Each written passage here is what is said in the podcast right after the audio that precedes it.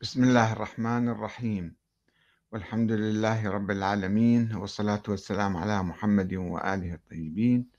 ثم السلام عليكم أيها الأخوة الكرام ورحمة الله وبركاته.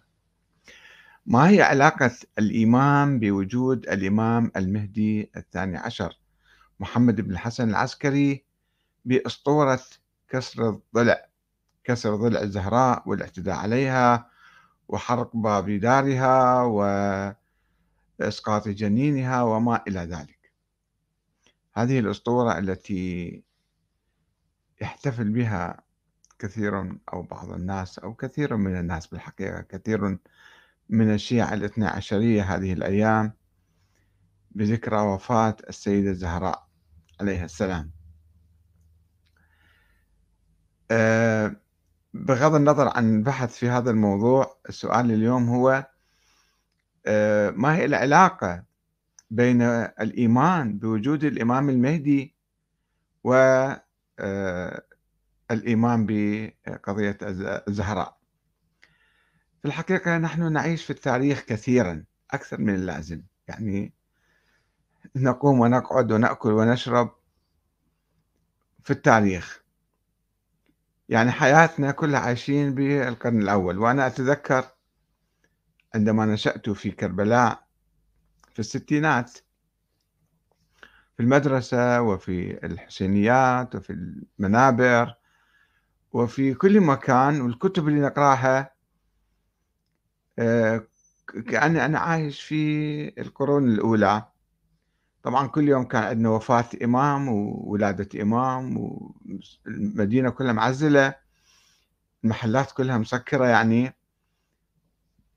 ودائما نفكر والخطباء ليس لهم حديث إلا طبعا غير قضية كربلاء قضايا الإمام علي موسى الكاظم مع هارون الرشيد مع فلان. كل القضايا التاريخية إحنا عايشين فيها. وبغداد كانت تجري صراعات بين الحزب الشيوعي والحزب القومي والحزب البعثي والحزب الأحزاب المختلفة ونحن أصلا بعيدين عنها. الجو الديني أقصد. كان هناك ناس في كربلاء أيضا متفاعلين مع هذه الأحزاب. ولكن أنا أحكي عن نفسي والمحيط اللي في الحركة الدينية في كربلاء. لا, لا تهتم بأي شيء يحدث في آه، في العراق وفي كربلاء أو في العالم الإسلامي طبعا لا بعد. لماذا؟ لأننا كنا مهتمين بالتاريخ كثيرا لإثبات عقيدتنا وإثبات صحة مذهبنا وإثبات مثلا القضايا نؤمن بها رغم أن الله تعالى آه، في كتابه الكريم آه، في آيتين في سورة البقرة آية 134 و 141 تلك أمة بسم الله الرحمن الرحيم تلك أمة قد خلت. لها ما كسبت ولكم ما كسبتم. ولا تسألون عما كانوا يعملون. نفس الآية تتكرر. تلك أمة قد خلت لها ما كسبت ولكم ما كسبتم ولا تسألون عما كانوا يعملون. ماذا كسبنا نحن؟ ماذا نكسب؟ ماذا نعمل؟ هذا كان خارج إطار تفكيرنا أنه إحنا شو نسوي؟ هذا بحث آخر. المهم ذولاك شنو سووا؟ وشنو عملوا؟ ونأيد هالجماعة ونلعن الجماعة الأخرى. لماذا نحن نعيش في التاريخ إلى هذا الحد يعني؟ يمكن واحد يدرس التاريخ يأخذ من عنده عبر آه، يعني يستفيد في حياته في مستقبله ولكن أن يعيش كل وقته. وشوفوا الآن عاملين مثلا تشييع للسيدة فاطمة الزهراء. وما أدري هالسنة عاملين ولا لا بس سنوات ماضية كانوا عاملين مثلا أبواب حاطين في بعض المدن في النجف وغيرها ومشاهد يجون يحرقون وفيلم عاملين فيلم جماعة على قصة الاعتداء على زهراء وإحراق باب بيتها ودارها و يعني كل هالقضايا القضايا ليش؟ من أجل إثبات أنه المذهب الإمامي صحيح وهناك نص على الإمام علي وهناك اغتصاب للخلافة طيب وبعدين إحنا شو نسوي الآن؟ هذا ما يسألون. شنو موقفنا الآن؟ شو نريد نسوي؟ بناء على ذلك ماذا نفعل؟ هذا ليس مهما. المهم ماذا حدث في التاريخ. آه آه الإمام شنو علاقة الآن الإمام المهدي؟ الإمام بالإمام المهدي. طبعا تعرفون أنتم الإمام المهدي عند الشيعة الاثنى عشرية ليس هو كفكرة عامة مثل ما عند بعض السنة مثلا الإمام المهدي يعني واحد يطلع آخر زمان يصلح الأمور. ما ما تترتب عليه يعني مسائل ومواقف وعقيدة. فشي خبر آمنت به لو ما آمنت به آه، لا يقدم ولا يؤخر. عندك شيعة آخرين مثلا الإسماعيلية عندهم إمام مهدي خرج وأقام الدولة الفاطمية. في نهاية القرن الثالث الهجري الوقت اللي كانوا الشيعة الاثنى عشرية يعني آمنوا بوجود ولد الإمام العسكري وقالوا هو المهدي. المهدي خرج في ذاك الزمان وأقام الدولة الفاطمية وأصبحت أكبر دولة إسلامية في ذلك الوقت أكبر دولة يعني. امتدت من المغرب إلى العراق تقريبا يعني قريب العراق. وصلت حتى بالعراق الشام والجزيرة ومصر وكذا. فالإمام بالإمام الثاني عشر آه، هو أنقذ نظرية الإمامة. لأن نظرية الإمامة تقول أن الله سبحانه وتعالى يعين أئمة للمسلمين مو بس نبي وخلاص لا أكو امتداد للنبوة في الإمامة. وامتدوا الإمامة وصلوا للحسن العسكري والحسن العسكري توفى وما حد ما شاف له ولد مثلا. هو قال أنا ما عندي أولاد. وكتب وصيته أن أمواله وجواريه ومتعلقاته تروح إلى أمه ثم تقاسمها أخوه وأمه. ولكن إجوا جماعة قالوا ما يصير ما عنده ولد لازم يكون عنده ولد. حتى لو ما شفناه حتى لو ماكو دليل عليه إحنا بعقلنا لازم نفترض لازم نفترض أنه عنده ولد والا تنهار نظرية الإمامة. قسم آخر من الشيعة راحوا. أقسام مو قسم واحد. يعني شيعه الحسن العسكري انقسموا إلى 14 أو 15 جماعة فرقة. وفرقة واحدة قالت بوجود الولد. ال 14 فرقة قالوا أقوال متشابهة عديدة بس كلهم راحوا بحثوا. قالوا إحنا رحنا فتشنا وبحثنا وسألنا ودققنا وحققنا ولم نجد شيئا. هاي شهادات بالعدم. وقت الجماهير الشيعة يروحون وهذا مسجل في الكتب التاريخية الشيعية. أنه راحوا سألوا بحثوا وما لقوا أي دليل على ذلك. آه، فالجماعة الذين قالوا لا موجود. طيب شنو صار الآن؟ هي نظرية الإمامة وصلت إلى الطريق المسدود وانتهت. وانقرضت وراحت ماتت. يعني بعد ما في أئمة عندنا هؤلاء الذين قالوا أو افترضوا بوجود ولد الحسن العسكري أنقذوا نظرية الإمامة من الانهيار. بس في ذهنهم مو في الواقع. في الواقع هي ما موجودة. 1200 سنة الآن ما عندنا إمام معصوم معين من قبل الله حتى يحكمنا. إنما يوجد عندنا ماذا؟ يوجد عندنا شيء في الوهم في الخيال. لأنه ما له حقيقة. طيب. ماذا ترتب على ذلك؟ ترتب تكون الفرقة الاثنى عشرية الاثنى عشرية تقول بأن الله سبحانه وتعالى نص على الأئمة هذول ال 12 وأولهم علي بن أبي طالب. طيب لماذا إذا علي بن أبي طالب راح بايع أبو بكر وعمر وعثمان؟ لماذا الإمام الحسن راح تنازل عن الخلافة وبايع معاوية؟ وأمر شيعته كلهم تعالوا بايعوا. لماذا؟ الأئمة كلهم عبر التاريخ كانوا مثلا موالين للحكام ومبايعين لهم. خلينا نتوقف عند الإمام علي. أكبر ضربة لنظرية الإمامة آه، آه، هي بيعة الإمام علي للصحابة. يعني أنه أنا هو ما ما يعتقد نفسه أنه هو إمام معين من قبل الله وإلا ما يجوز له يتنازل عن هالشيء. مثل النبي مثلا. هل يجوز يتنازل عن نبوته ويروح يبايع الكفار؟ يقول أنتم كلامكم صحيح؟ مستحيل لأن النبي معين من قبل الله. النبي قاتل من أجل فكرة هذه. ومستعد كان يموت من أجلها. لأنه هذا أمر الله أمر إلهي. فإذا كانت الإمامة إلهية ومن الله تعالى لم يكن يجوز للإمام علي أن أن يبايع. يقولون لا هو ما بايع طبعا بايع كرها وإجبارا أجبروه. كيف أجبروه؟ لابد أن يختلقوا هذه القصة وهذه الأسطورة. أنه هددوه واقتحموا الدار وكسروا ضلع الزهرة وأسقطوا جنينها وقتلوها شهيدة وماتت هي آه، غاضبة عليهم. وهالقصص قصة تجر قصة أسطورة تجر أسطورة. طيب شلون شنو الدليل على ذلك؟ الأئمة نفسهم الذين لم يكونوا يدعون الإمامة.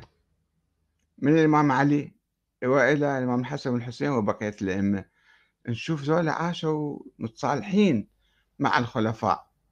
وما كانوا يتحدثون عن هذه الأسطورة أسطورة كسر الضلع. يقولون نعم الأئمة كانوا في وضع سري وضغوط وإرهاب عليهم فما كانوا يتمكنون يعبرون عن هاي النظرية. يعني يعترفون بأنه الموقف الظاهري للأئمة هؤلاء الأئمة المعروفين الأحد عشر أنه موقف كان ما يتحدث عن نظرية الإمامة. يقولون نعم كانوا يمارسون التقية والإمام علي ما تمارس التقية. وبالتالي آه، لم يتحدثوا نعم. ولكنهم في الواقع وسرا كانوا يتحدثون عن هاي النظرية اللي وصلت إلى طريق المسدود وانقطعت وراحت. فيقولون لا هذا يعني هم يمشون النظرية بأسطورة التقية أيضا أسطورة التقية. كذبة الأئمة ما كانوا يسوون تقية بس هم كان ينسبون مواقف سرية مخالفة لظاهر الأئمة ويقولون هؤلاء الأئمة يسوون تقية اللي يحجون. يعني إذا تلاحظون حتى بالكافي روايات عن عن الإمامية. مثل أبو بصير. يقول إجوا ناس وسألوا الإمام الصادق هل أنت إمام مفترض الطاعة من الله؟ يقول لا أنا لست. هكذا. وبعدين قالوا له ذلك جماعتك في الكوفة يقولون. قال أنا ما أمرتم بذلك. لما طلعوا ذولا أبو بصير يقول الإمام الصادق صار يلعنهم ليش يلعنهم سأله سؤال وجاوبتهم. ما, ما في داعي للعن. بس هو أبو بصير يختلق هذا الشيء. هاي الرواية موجودة بالكافي. وعدهم حسب السياسة مالتهم أنه يعني هذا حديث رواه عن الإمام الصادق. آه، السياسة الإعلامية تبرر اختلاق كل شيء. تبرر. شوفوا أنتم الآن إحنا مثلا عندنا وجهة نظر مخالفة لوجهات نظرهم. نقول مثلا الامام مهدي ما موجود؟ لم يولد أصلا. نقول أن حادثة الاعتداء على الزهراء لم تحدث. لاحظوا أنتم التعليقات اللي في صفحتي في الفيسبوك وفي آه، اليوتيوب. لاحظوا السبب. انت وهابي تقبض فلوس من السعودية انت ماسوني صهيوني ما اعرف شنو يعني ما عندهم اتهامات آه، باطلة يتهموك حتى يسقطوك ويسقطون كلامك. طيب هذا إذا أنا العبد الفقير هكذا يتعاملون معي. كيف يتعاملون مع مثلا الخلفاء الأوائل الذين آه، أصبحوا خلفاء؟ انظروا لهذا الحديث اللي دائما هذا أيضا أسطورة من أساطيرهم الإعلامية. ينقل آه، الكليني في الكافي جزء 2 صفحة 375 عن داود بن سرحان رواية واحد عن واحد عن واحد بعد 100 سنة 200 سنة ينقل عن الإمام الصادق. أنه قال قال رسول الله صلى الله عليه وآله وسلم إذا رأيتم أهل الريب والبدع من بعدي فأظهروا البراءة منهم وأكثروا من سبهم والقول فيهم أنتم سووا كلام ضدهم يعني والوقيعة وباهتوهم سووا كذب عليهم سووا بس حاولوا سقطوهم كي لا يطمعوا في الفساد في الإسلام ويحذرهم الناس ولا يتعلمون من بدعهم يكتب الله لكم بذلك الحسنات ويرفع لكم به الدرجات في الآخرة. هذا حديث دائما يكرروه حتى بالتلفزيونات هذه الأيام. السيد رشيد الحسيني مرة تحدث عنه وقال يس نعم في فتاوى من العلماء حوله أيضا. و الآن هذا عندهم شيء يعني ثابت كأنه حقيقة هذا. ومبدأ من مبادئهم الإعلامية في الصراع السياسي. لكي يثبتوا عقيدتهم اخترعوا قصة الإمام المهدي الغائب الذي لا وجود له ولم يولد ولم يلد ولن يظهر في المستقبل. ولماذا اخترعوا هذا الإمام؟ حتى ينقذوا نظرية الإمامة التي تهاوت وانهارت ووصلت إلى طريق مسدود. لو ما يقولون عندنا إمام ثاني عشر بالسر مختفي. فالناس بعد يبطلون كما بطلوا. كثير من شيعة الحسن العسكري من الشيعة الإمامية اللي كانوا يؤمنون بنظرية الإمامة قالوا يعني خلص بعد ما في إمامة انتهى الموضوع. ولكن كيف نحيي هاي النظرية؟ ونخليها مستمرة ونتعارك عليها اليوم بعد 1400 سنة الآن ونسوي نفسنا شيعة وسنة. فلا بد أن نختلق نفسر التاريخ كما نشاء نقرأه كما نشاء ونكتبه كما نشاء ونضيف عليه ما نشاء ونتهم من نشاء بما نشاء. مثل هذا انطلاقا من هذا الحديث المزور المكذوب على الإمام الصادق وعلى رسول الله صلى الله عليه وسلم.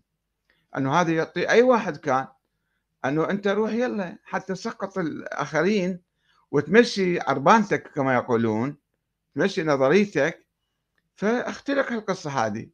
لذلك ال ال يعني أول رواية رويت حول موضوع الزهراء رواها ابن أبي شيبة في المصنف. رواية بسيطة عادية هي رواية خبر أحد واحد عن واحد عن واحد قبل 150 سنة 200 سنة القصة. عن أناس عن شخص لم يشهد الواقع. بعدين اجى ينقل في قصة. مولى لعمر بن الخطاب. هكذا الرواية تقول والله أعلم. أنه عمر بن الخطاب عندما شاف شاف ذولا معتصمين بني هاشم في بيت الإمام علي آه، وإجا قال للسيدة زهراء دخل عليها وأنا أحب ماكو واحد أحبه أكثر من رسول الله وماكو واحد بعد رسول الله أحبه أكثر من عندك. فذولا أرجوك ذولا خلي يطلعون برا وإلا ترى أحرق عليهم الباب. هكذا هذه رواية ابن أبي شيبة. مجرد كلام. هو حتى الكلام مو معلوم ثابت مو معلوم صاير. لأنه الإمام علي ما بايع وحتى كل بني هاشم ما بايعوا إلا بعد ست أشهر. الإمام علي بعد ست أشهر بايع. ما بايع ما ما أجبروه ولا ضغطوا عليه. بس القصة مسويها هالشكل أنه لازم لازم يكون في ضغط وهذا. فأول واحد اجى روى هذه الأسطورة وكبر هالحبة وسواها قبة وسواها أسطورة طويلة عريضة. هو كتاب مفتعل موضوع مختلق. في القرن الرابع الهجري ما حد يعرف منه كاتب الكتاب هذا. فد مرة طلع على أساس واحد بدوي جاي من الصحراء من نجد جاي من نجد ذيك الأيام تصوروا أنتم هم أهل المدينة أربعة خمسة كانوا يعرفون يقرون ويكتبون وما عندهم ورق حتى يكتبون. يكتبون على العظام وعلى الجلود وعلى الخشب. القرآن الكريم كاتبيه على هالأشياء ما كاتبيه على ورق ومصحف صاير. إلا بعد عشرين سنة في عهد عثمان وتكتبوه في المصاحف. فهذا جاي وعنده دفتر ما أدري كمبيوتر شايل وياه ولا كذا وده يسجل الأحداث كلها يكتبها. شنو صار؟ شنو؟ وين راح؟ وين اجوا وشنو سووا وشنو هجموا بالتفاصيل. وهذا شنو قال؟ وسلمان شنو حكى؟ فلان شنو تكلم؟ مسجل هذا بكتاب. وهذا الكتاب ضمه ضاع الكتاب. ورا 300 400 سنة طلع هذا الكتاب. في القرن الرابع الهجري كتاب سليم بن قيس الهلالي.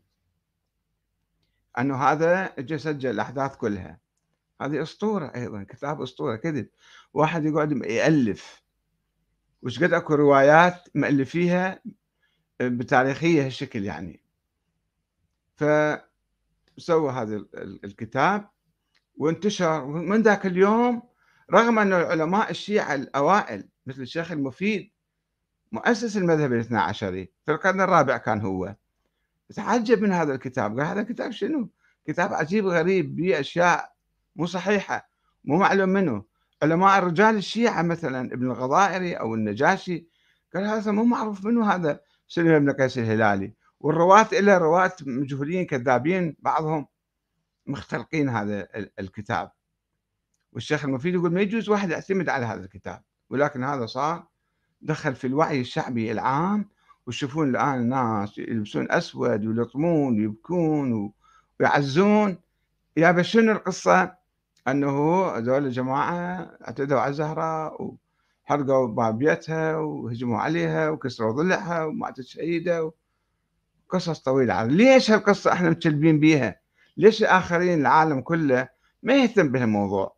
كما يقول الله تعالى تلك أمة قد خلت لها ما كسبت ولكم ما كسبتم ولا تسألون عما كانوا يعملون. أنتم راح تسألون فليش تهتمون بهذه القضية؟ قضية مزورة كذب له حقيقة مثل قضية الإمام الحسين ناخذ منها عبرة. يعني الإمام الحسين رفض الاستسلام والخضوع لحاكم ظالم متسلط بصورة غير شرعية. ورفض الاستيلاء على السلطة بالقوة والناس انتخبوه بصورة ديمقراطية كما نقول اليوم.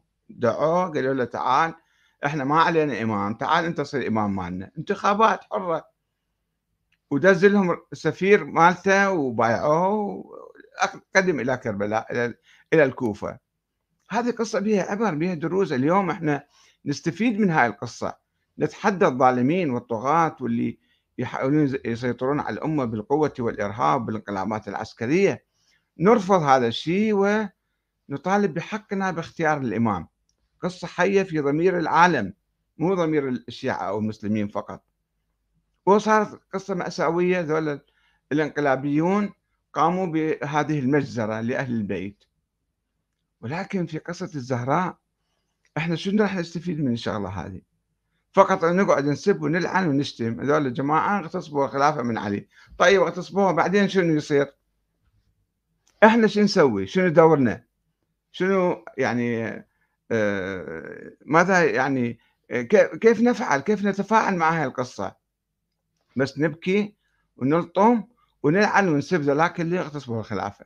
طيب تعالوا شيلوا الإمام المهدي قول الإمام المهدي ما موجود كما هو في الحقيقة. اعترفوا بهاي الحقيقة. شو يصير؟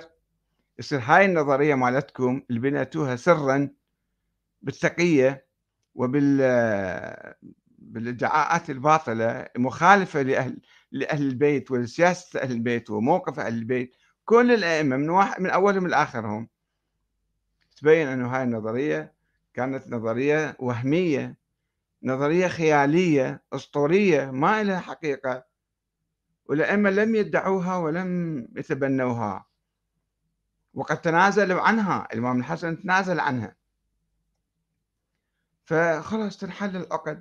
بعد ما نحتاج نجي نصور الجماعة كان في خلافات سياسية مؤقتة بيناتهم وصالحوا بعدين وتلك أمة آه، قد خلت. لها ما كسبت ولكم ما كسبتم. أنتم شوفوا عملكم شنو. فهذا الترابط آه، في الحقيقة. الآن إحنا نحتاج آه، أنه نفكر شنو بدنا نكسب إحنا اليوم.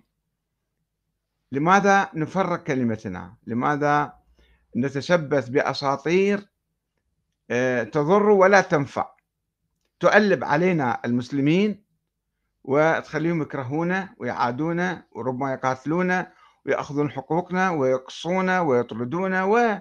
ونحن كذلك نفعل. بهم أيضا وتحدث فتنة طائفية عمياء ليس لها أول ولا آخر لأنه مجموعة أساطير نظرية الإمامة أسطورة نظرية الثا... وجود الثاني عشر أسطورة نظرية الاعتداء على الزهراء أسطورة وبينهما أساطير أنها قامت على معاجز وتكلم الحجر الأسود وما أعرف كذا ورد الشمس كلها أكاذيب وأساطير ما لها علاقة بالدين. إحنا إذا كنا مسلمين صحيح خلينا نعمل بالإسلام خلينا نطبق العدل بين الناس. شوفوا الآن مدارسنا شوفوا تقرير وزارة التعليم هذه الأيام عن المدارس بالعراق آلاف المدارس طينية ولا مثلا خيم ولا آه، متداعية.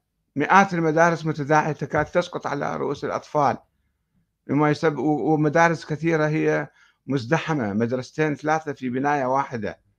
يعني التعليم ضعيف يعني الجهل ينتشر معناته يعني الأمية تنتشر.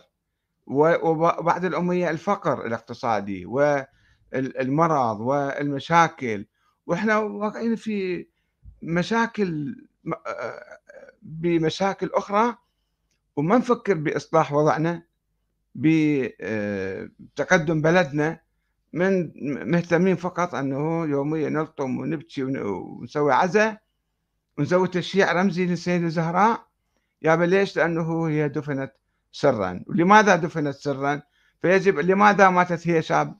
هذه أسئلة شخصية ما لها علاقة في الدين وليس لها علاقة فينا، قضايا تاريخية وراحت، والله يجازيهم الأئمة خيرًا ويعطي ويخليهم في أرفع الدرجات، أما نقعد إحنا نثير هالقضية دائمًا و...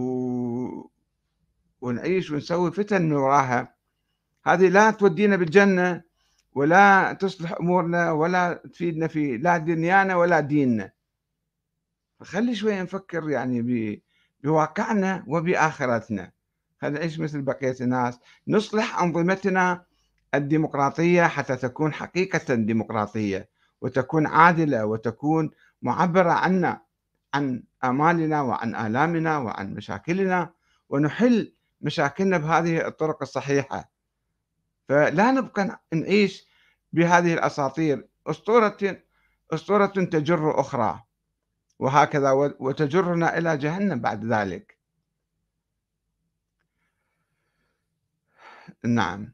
تعليقات كثيرة سواء في صفحتي على الفيسبوك أو هنا لا أستطيع أن أتابعها بالحقيقة. وأسأل الله أن يهدي هذه الأمة إلى ما فيه الخير والصواب. والسلام عليكم ورحمة الله وبركاته.